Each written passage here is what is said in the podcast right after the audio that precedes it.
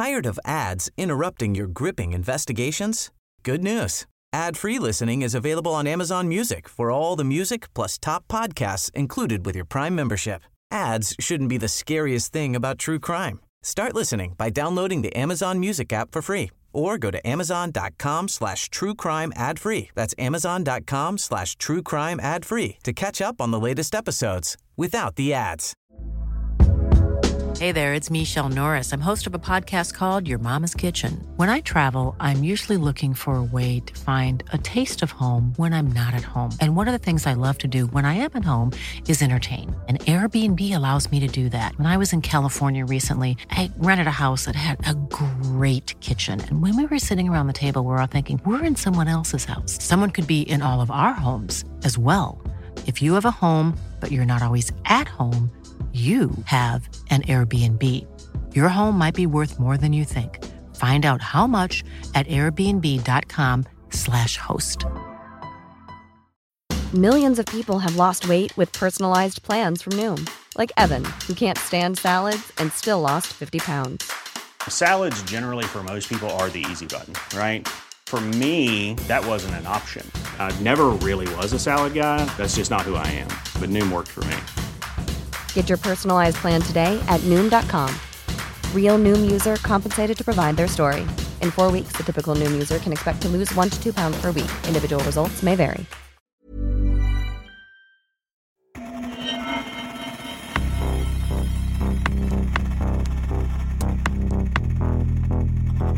Expect more attacks on the government. They caused a lot of damage. On any computer crime, you want to look for the digital footprint. Dataintrång där interna handlingar läckte The ut. shadowy group behind the hacking attack on the Federal Reserve.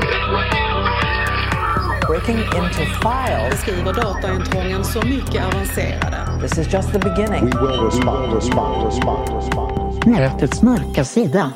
Sanna historier om brottslighet på internet.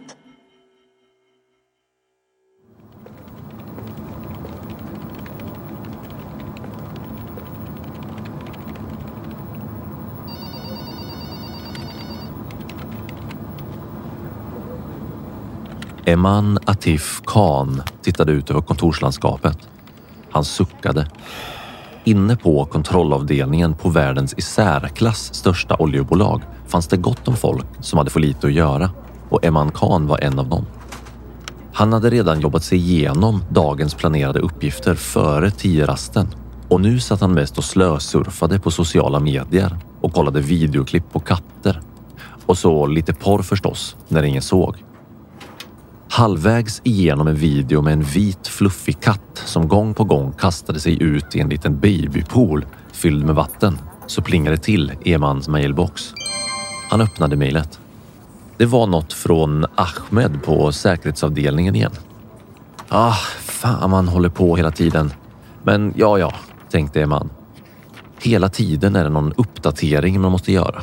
Orka i mejlet stod det mycket riktigt att alla anställda måste installera en ny säkerhetsuppdatering senast klockan 16. Och Eman hade ju inget bättre för sig så han klickade på länken till uppdateringen och när förloppsindikatorn på skärmen visade att säkerhetsuppdateringen var klar så unnade han sig en tidig lunch. Han reagerade visserligen på att uppdateringen hade gått ovanligt snabbt jämfört med hur långsamt det brukade gå. Men det var väl bara gött liksom. Varför klaga? Två månader senare satt Eman framför datorn igen.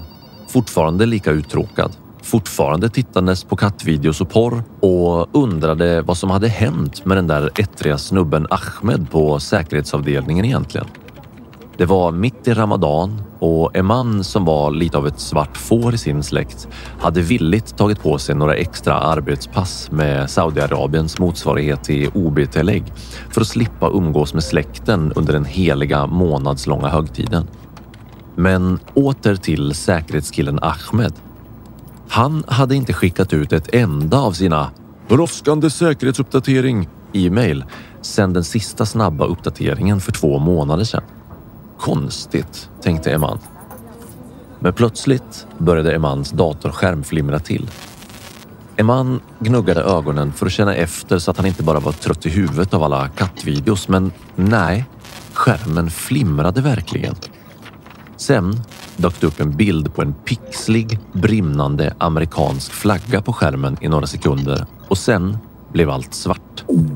En man hoppade nästan ur stolen och reste sig upp och tittade sig omkring i kontorslandskapet. Precis varenda dator gjorde samma sak som hans egen dator nyss hade gjort. Först började skärmarna flimra. Sen dök den brinnande amerikanska flaggan upp och sen blev allt svart.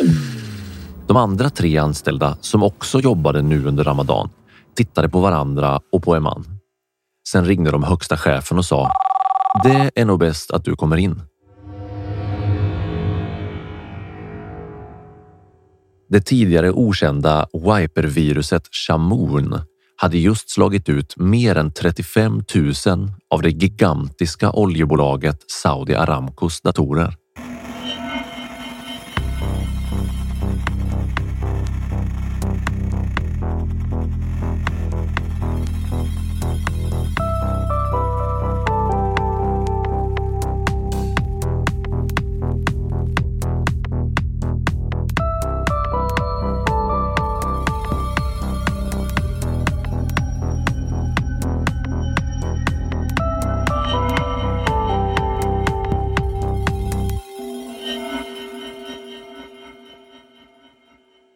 Dataviruset Shamoon är en riktigt elak wiper.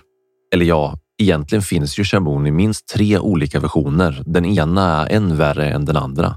Men vad är en wiper egentligen? Wipers är en sån där klassisk grej som folk har fruktat ända sedan de första hemdatorerna kom ut på marknaden.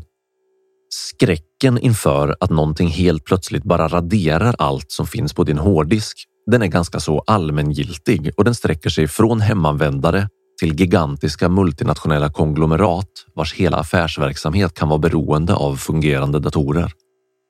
Det en wiper gör är helt enkelt att rensa bort en del eller alla filer från en viss hårddisk eller partition och om wipern gör sitt jobb rätt så är det i princip omöjligt att få tillbaka filerna efteråt.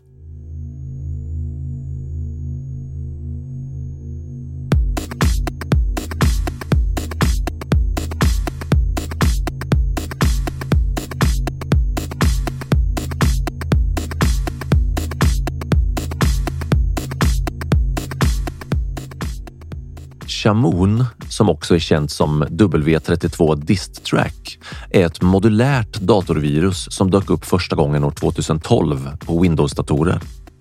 När Shamoon upptäcktes och IT-säkerhets och antivirusföretagen började rapportera om det så skulle det ha kunnat passera som typ vilket wipervirus som helst. Och det finns ganska många. Om det inte vore för Saudi Aramco. Yes, Saudi Aramco världens största och rikaste oljebolag. Saudi Aramco, som är en förkortning av Saudi Arabian Oil Company eller Saudi Arabian American Oil Company, är världens största oljebolag. Om man mäter hur mycket olja de producerar, men också om man mäter hur stora oljereserver de sitter på. Och Saudi Aramco ägs huvudsakligen av den saudiarabiska staten över 61 000 anställda får sitt levebröd från den saudiska oljejätten och bolaget omsätter över 350 miljarder dollar varje år. För att kunna få någon slags perspektiv på hur otroligt mycket pengar det här egentligen är så kan vi tänka att hela svenska statens utgifter för 2020 ligger någonstans runt 1200 miljarder kronor. Det är alltså stora pengar som är i omlopp i Saudi Aramco.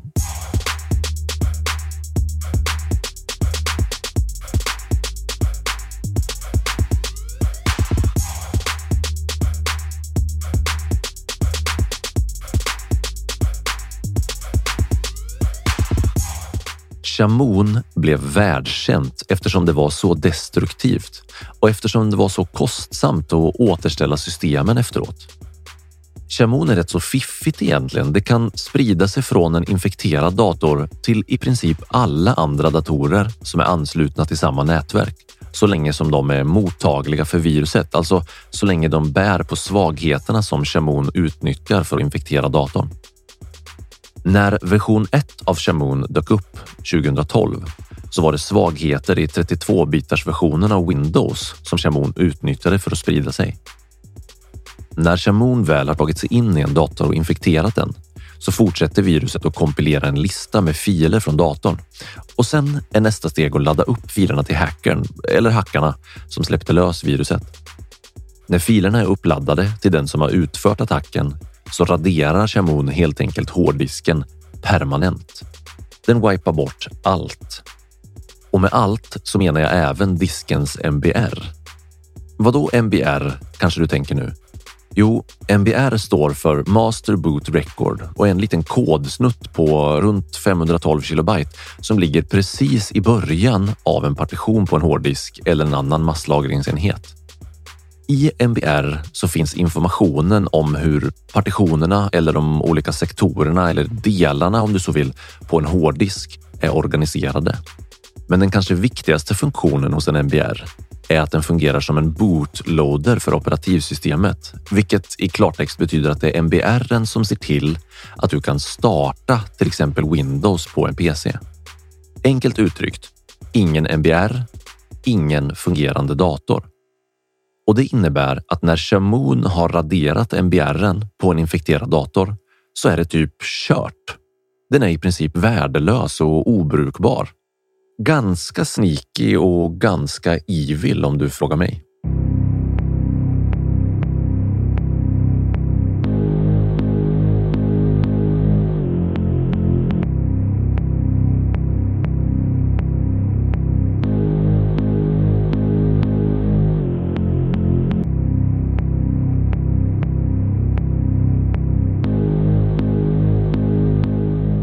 Version 1 av Shamoun användes alltså för att utöva cyberkrig mot Saudiarabien. Ja, jag har svårt att se hur man skulle kunna tolka det på något annat sätt än så faktiskt. För även om Shamoun i huvudsak drabbade Saudi Aramco och Qatars Rasgas så finns det mycket som talar för att Shamoun inte bara var ett elakt hackerverktyg för att sprida allmän förstörelse. Utan spåren tyder verkligen på att någon, eller kanske hellre några, och jag återkommer till vilka de här några skulle kunna vara, verkligen ville skada Saudiarabien som stat med Shamoun-attacken. Gillar du den här podden? Skulle du vilja höra fler avsnitt? Då vill jag be dig att stödja nätets mörka sida på patreon.com.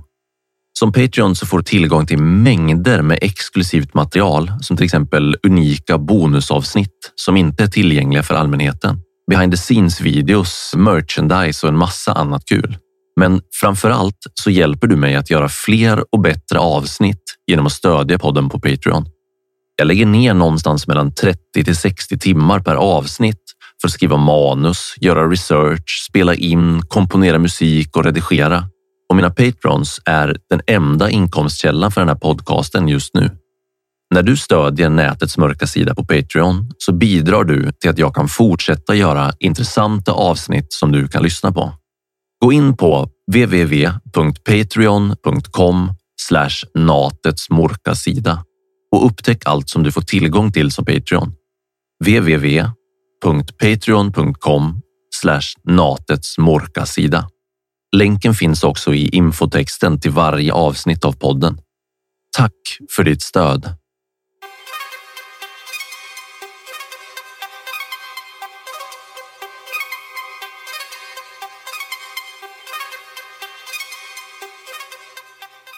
Det sägs att hacket mot Saudi Aramco är en av de största hackerattackerna som någonsin har skett. Kanske till och med den största av dem alla. Det var en monstruöst stor attack i en skala som världen aldrig tidigare hade sett. Och inte nog med det. Det var också en av de första riktigt stora cyberkrigsattackerna. Men det visste man ju inte, åtminstone inte till en början. Jag sa ju förut att Shamoon var lite extra smikig och det kan man verkligen säga att det var på mer än ett sätt. Bland annat så spred sig viruset snabbare än en förkylning på en svensk förskola bland Saudi Aramcos datorer men till en början så gjorde Shamoun ingenting. Inte ett dugg. Det bara låg där på de infekterade datorernas hårddiskar och väntade. Och sen klockan 11.08 lokal tid i Saudiarabien onsdagen den 15 augusti 2012 så slog det till på alla infekterade datorer samtidigt.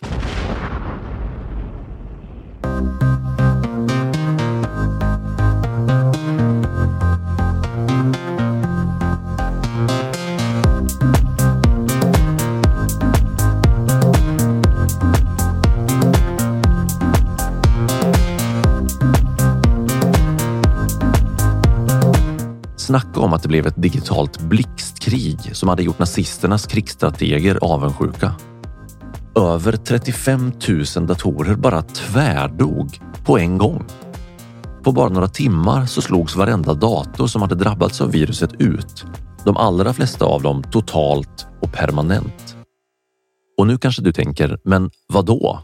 Vad ska Saudi Aramco med 35 000 datorer till?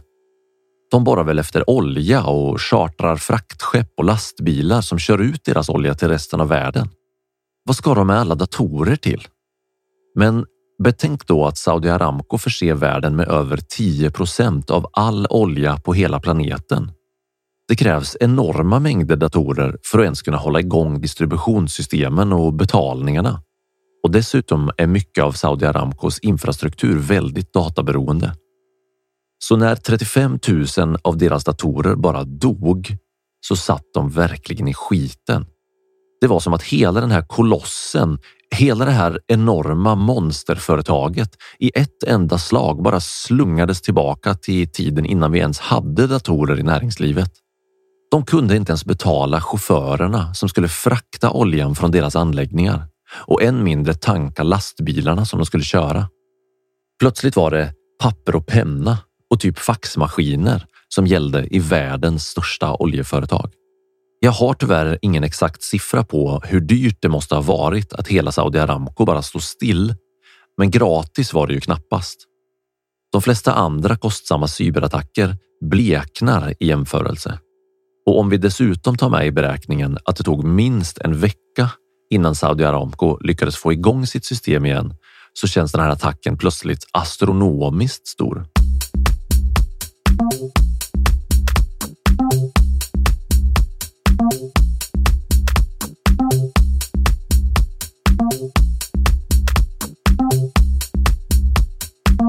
Så hur gick det till då?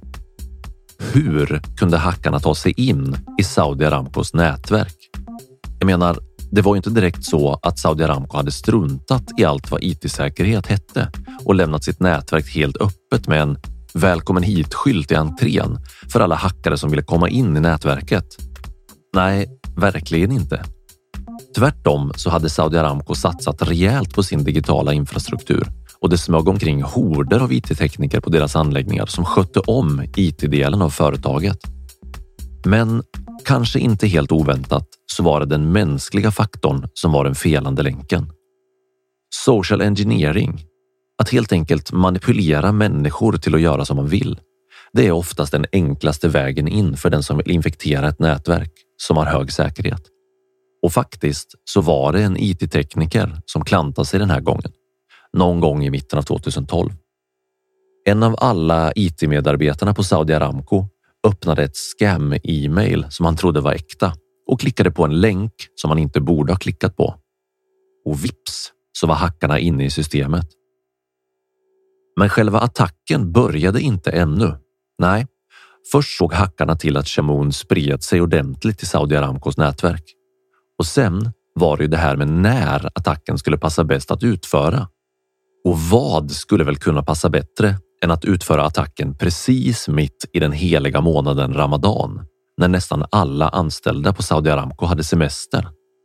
Maximal skada samtidigt som det var minimalt med folk på plats som kunde lösa problemet. Det är genialiskt egentligen. Istället för att slå till direkt så la hackarna in en logic-bomb, en logisk bomb som var ställd på att aktivera Shamoon-viruset mitt under Ramadan. Ja, Shamoon hade en logisk bomb inbyggd i sin kod.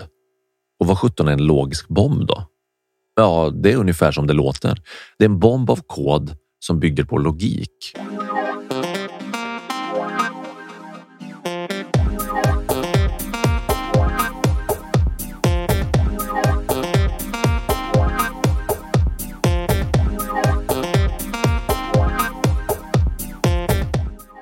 Logisk bomb är ett stycke programkod i ett program som aktiverar en viss funktion när vissa i förväg satta villkor uppfylls. Aktiveringen kan ske antingen vid en bestämd tidpunkt eller när en bestämd omständighet inträffar. Ett exempel kan vara en programmerare som lägger till ett stycke kod som automatiskt raderar filer, till exempel ur en databas, om han eller hon slutar jobba på det här företaget. En logisk bomb är passiv, den gör ingenting till dess att den aktiveras. Det finns många datavirus som använder logiska bomber för att kunna spridas mer effektivt. Och viruset sprider sig då utan att göra någon skada utåt sett. Det är liksom passivt, men vid ett i förväg bestämt tillfälle så aktiveras det. Till exempel på fredagen den 13 och så gör det sin skada då. För att räknas som en logisk bomb så måste koden som aktiveras vara oönskad och oväntad för användaren. Ett exempel är prova på-program där man gratis kan testa programmet i 30 dagar, men sen så slutar det fungera. Det är alltså inte en logisk bomb. Det räknas inte som en logisk bomb eftersom användaren är medveten om den här funktionen redan från början. Men när Shamoons logiska bomb aktiverades så var det morgon i Saudiarabien och det var den 15 augusti 2012. Plötsligt la några anställda på Saudi Aramco märke till att deras datorer började uppföra sig väldigt konstigt. Plötsligt började en del datorer stängas av. På en del av datorerna började bildskärmarna flimra och på ytterligare datorer så började filer försvinna från hårddiskarna framför de anställdas förvånade ögon. Sen gick det fort. På bara någon timme hade Shamoun slagit ut över 35 000 datorer helt och hållet och Saudi Aramco stod still. Och samma morgon som det här hände så tog en grupp som kallade sig för Cutting Sword of Justice på sig ansvaret för attacken som hade drabbat Saudi Aramco.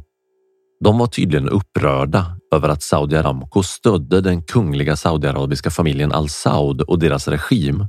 Och i en presskommuniké på internet så skrev de så här. This is a warning to the tyrants of this country and other countries that support such criminal disasters with injustice and oppression.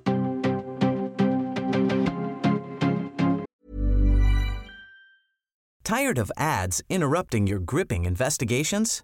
Good news. Ad-free listening is available on Amazon Music for all the music plus top podcasts included with your Prime membership. Ads shouldn't be the scariest thing about true crime. Start listening by downloading the Amazon Music app for free or go to amazon.com slash true crime ad free. That's amazon.com slash true crime ad free to catch up on the latest episodes without the ads.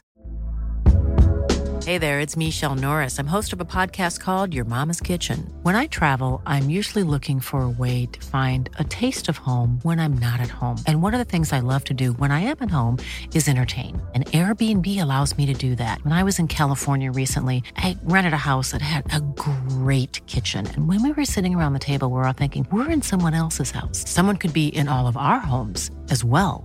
If you have a home, but you're not always at home, you have an Airbnb. Your home might be worth more than you think. Find out how much at airbnb.com/slash host.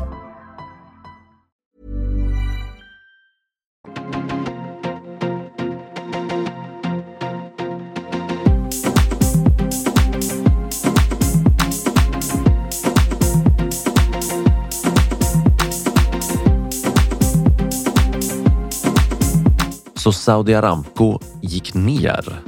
Det klappade ihop och givetvis blev det panik. I någon slags vild skräckfylld frenesi sprang IT-teknikerna på Saudi Aramco genom korridorerna i alla företagets anläggningar och ryckte panikslaget ut varenda kabel de kunde hitta för att försöka hindra att viruset spred sig. Men det var redan för sent. För även om de inte visste det då så hade ju Shamoun i själva verket spritt sig i hela systemet långt före Shamouns logiska bomb briserade och utlöste attacken. Så de sprang och de sprang och de sprang och ryckte ut alla sladdar ur alla datorer på alla kontor. Även om inte själva oljepumparna stannade av helt så var resten av det här monstruöst stora företaget helt utslaget.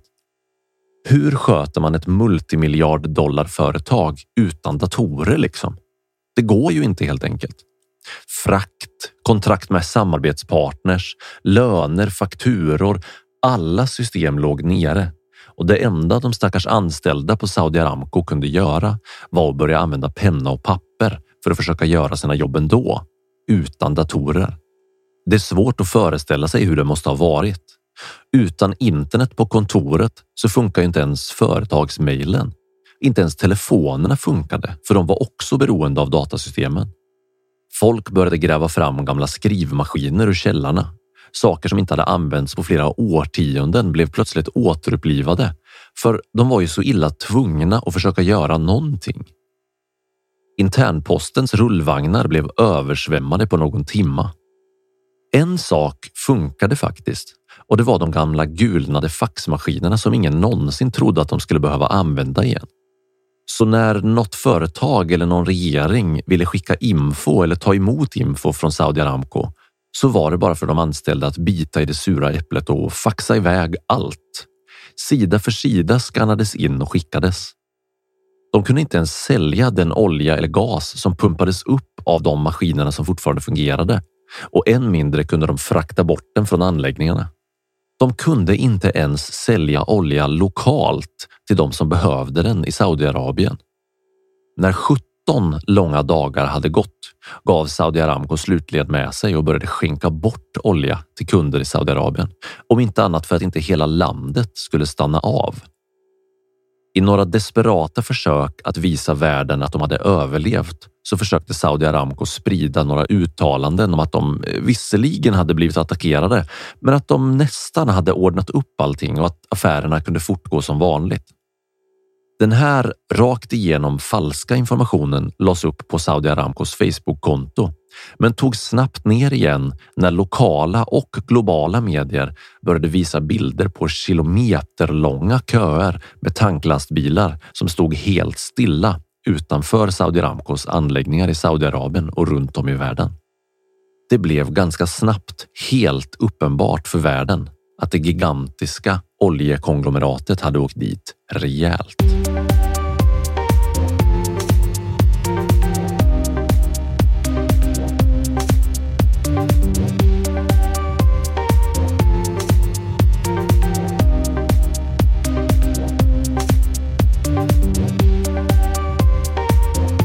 Så vad gjorde Saudi Aramco för att ta sig ur den här krisen då? De kallade in precis varenda IT-tekniker som fanns att tillgå i hela landet för att hjälpa till. Och inte nog med det.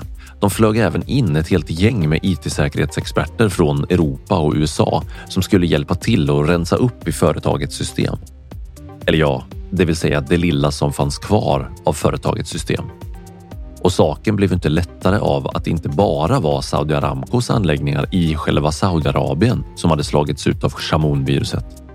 Nej, även deras satellitkontor i Afrika, Europa och övriga Mellanöstern stod där med foten i tunnan och tittade på sina svarta flimrande skärmar och tomma raderade hårddiskar.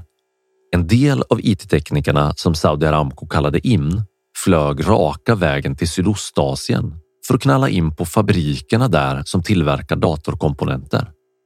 Plötsligt dök det upp välklädda IT-killar i kostym på fabriksgolven som ville köpa varenda hårddisk som låg i pipelinen för att tillverkas. Det tog bara någon dag och sen hade Saudi Aramcos utsända köpt på sig över 50 000 hårddiskar, vilket i princip var varenda hårddisk som tillverkades i världen just då. Hur kunde de göra det då? De här företagen som tillverkade hårddiskarna måste ju redan ha haft beställningar på alla hårddiskarna från sina existerande kunder. Svaret är enkelt och samma som alltid. Cash is king. De erbjöd helt enkelt ett betydligt högre pris än alla andra och vips så kunde de gå före i kön och köpa på sig allt som var i produktion just då. Det här fick ju förstås konsekvenser på så sätt att det knappt gick att få tag på en enda hårddisk någonstans i hela världen under en kort tid. Det blev en global brist på hårddiskar och priset rusade upp i höjden under en period mellan 2012 och 2013. Men vad då 2013? Tänker du kanske nu, eller? Sa jag inte nyss att den här attacken hände under 2012? Jo, Visst var det så och Saudi Aramco i sin helhet stod bara still i ungefär en vecka. Men deras datasystem var i princip helt utraderat och det tog nästan fem månader innan Saudi Aramco kunde få upp sitt system online igen. Den här gången med ett ännu biffigare IT-säkerhetsteam på High alert. En skum detalj här är att ett annat stort oljeföretag, Rasgas eller Qatar Petroleum som det också kallas, drabbades av en misstänkt lik attack ungefär samtidigt som Chamoun blåste ut Saudi Aramcos system. Många säkerhetsexperter menar att även den här attacken var Chamoun-virusets verk eller kanske hackarna bakom Chamoun-viruset. Chamoun-attacken mot Saudi Aramco har i efterhand beskrivits som världens största hackerattack. Det kan vi ju självklart debattera, men det är svårt att komma ifrån att det här var någonting helt nytt och väldigt, väldigt stort när det hände. Den 16 augusti, alltså dagen efter att attacken dök upp hos Saudi Aramco, så larmade IT-säkerhets och antivirusfirmorna Symantec och Kaspersky Labs om attacken och den skadliga koden som hade orsakat den.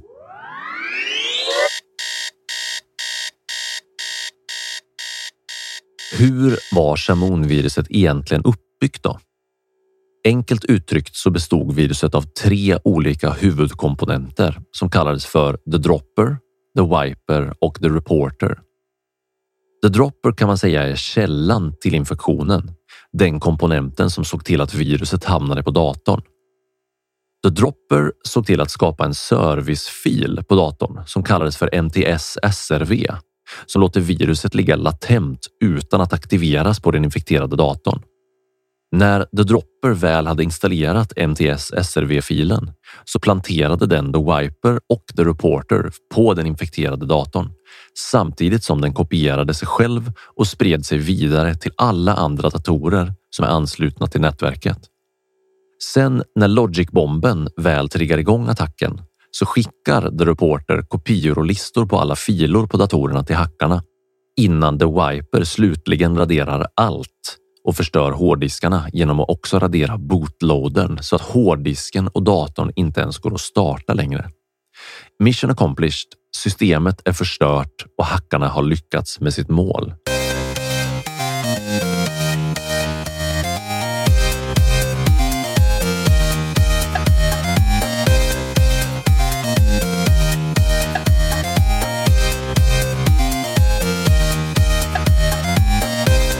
På en del datorer lämnade Shamoun en bild på en pixlig brinnande amerikansk flagga. Och när viruset återuppstod igen några år senare, ja, likt en odöd zombie kom Shamoun tillbaka igen 2016. Men då var det en annan bild som viruset lämnade efter sig, nämligen bilden på Alan Kurdi den lilla treåriga syriska flyktingpojken som blev världskänd när han fotades efter sin tragiska död, liggandes med ansiktet neråt i sanden på en strand vid Medelhavet i Turkiet. Men jag ska återkomma till Shamoun 2 om en stund.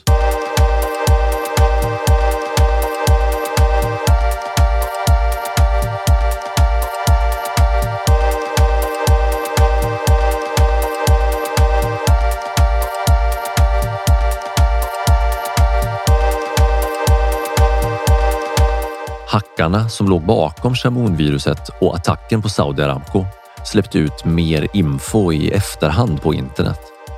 Bland annat spreds den här texten på nätet kort efter attacken och den sägs komma direkt från de ansvariga hackarna.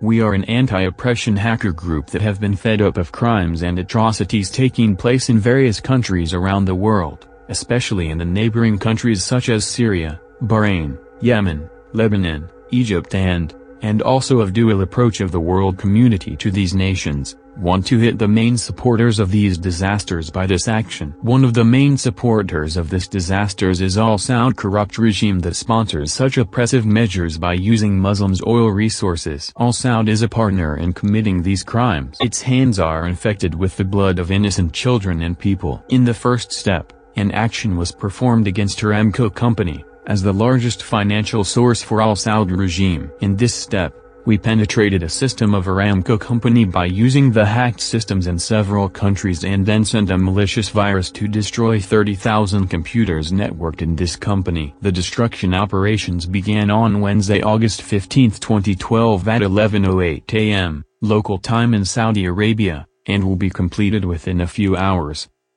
Efter attacken visste ingen vilka hackarna bakom Shamoun egentligen var. Ja visst, det fanns spekulationer om att det kunde ha varit några av Saudiarabiens fiender som hade legat bakom viruset. Men det fanns nästan inga spår att följa.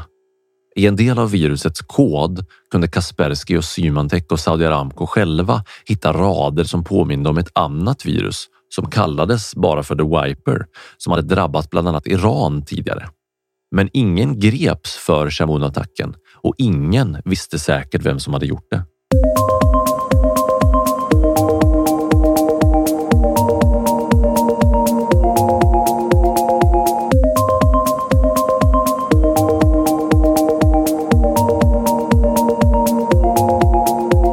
Okej, så det där var historien om Shamoun 1. Men Shamoun 2 och Shamoun 3 då? Vad handlar det om?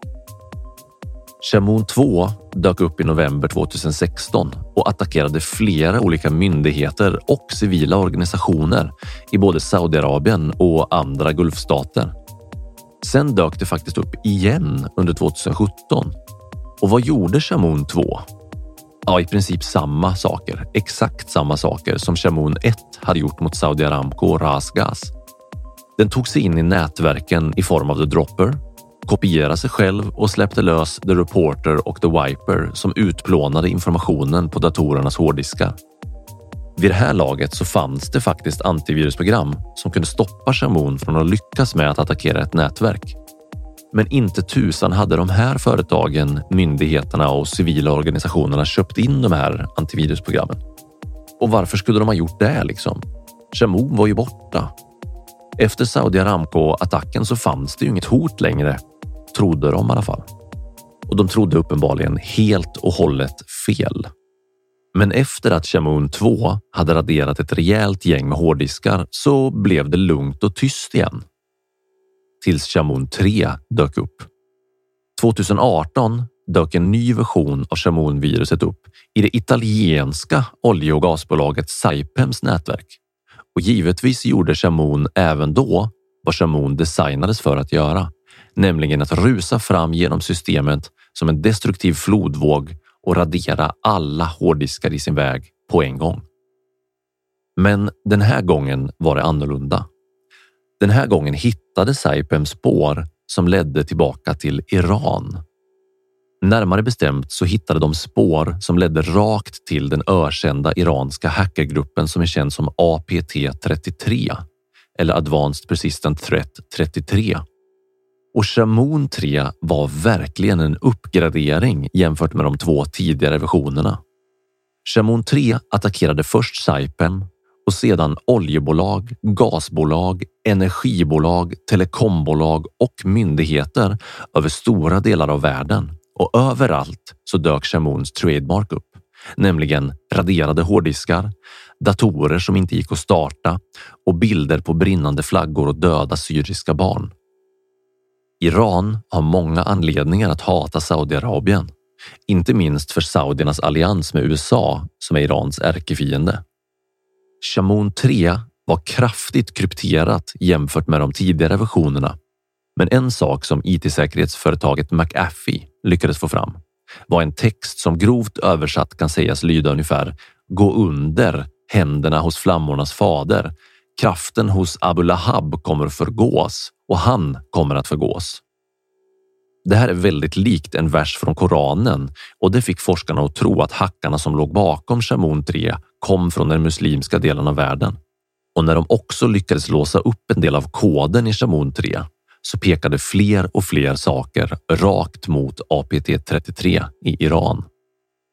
APT-33 är allmänt kända i cybersäkerhetsvärlden som en avancerad och statligt sponsrad hackergrupp i Iran men trots att rubriker över hela världen har pekat ut APT-33 och Iran som skyldiga till Shamoun-attackerna så har den iranska staten inte sagt ett enda knyst om saken. Eller det är faktiskt inte helt sant. De har gått ut med ett enda offentligt uttalande där de med eftertryck förnekar all inblandning i shamoun attackerna. Men kanske du undrar nu, varför skulle de här arga iranierna angripa ett italienskt oljebolag? Det verkar ju helt ologiskt att göra det om de nu är arga på Saudiarabien. Jo, det italienska oljebolaget Saipems största kund är inga mindre än Yes, just det. Saudi Aramco. Whoops.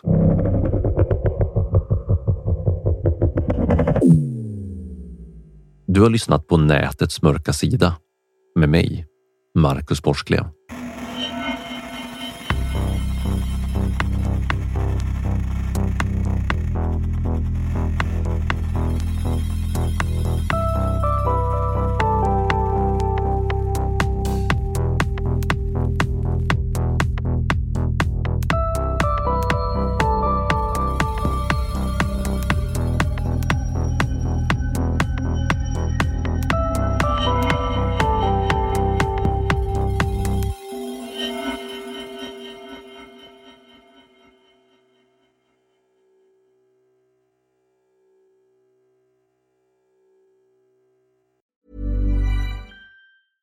Tired of ads interrupting your gripping investigations?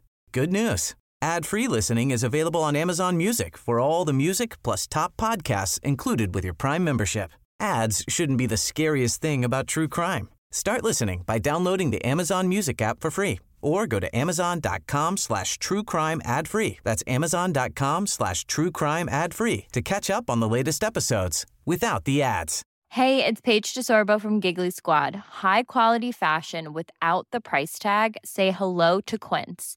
I'm snagging high-end essentials like cozy cashmere sweaters, sleek leather jackets, fine jewelry, and so much more. With Quince being 50 to 80% less than similar brands. And they partner with factories that prioritize safe, ethical, and responsible manufacturing. I love that. Luxury quality within reach. Go to quince.com slash style to get free shipping and 365 day returns on your next order. Quince.com slash style.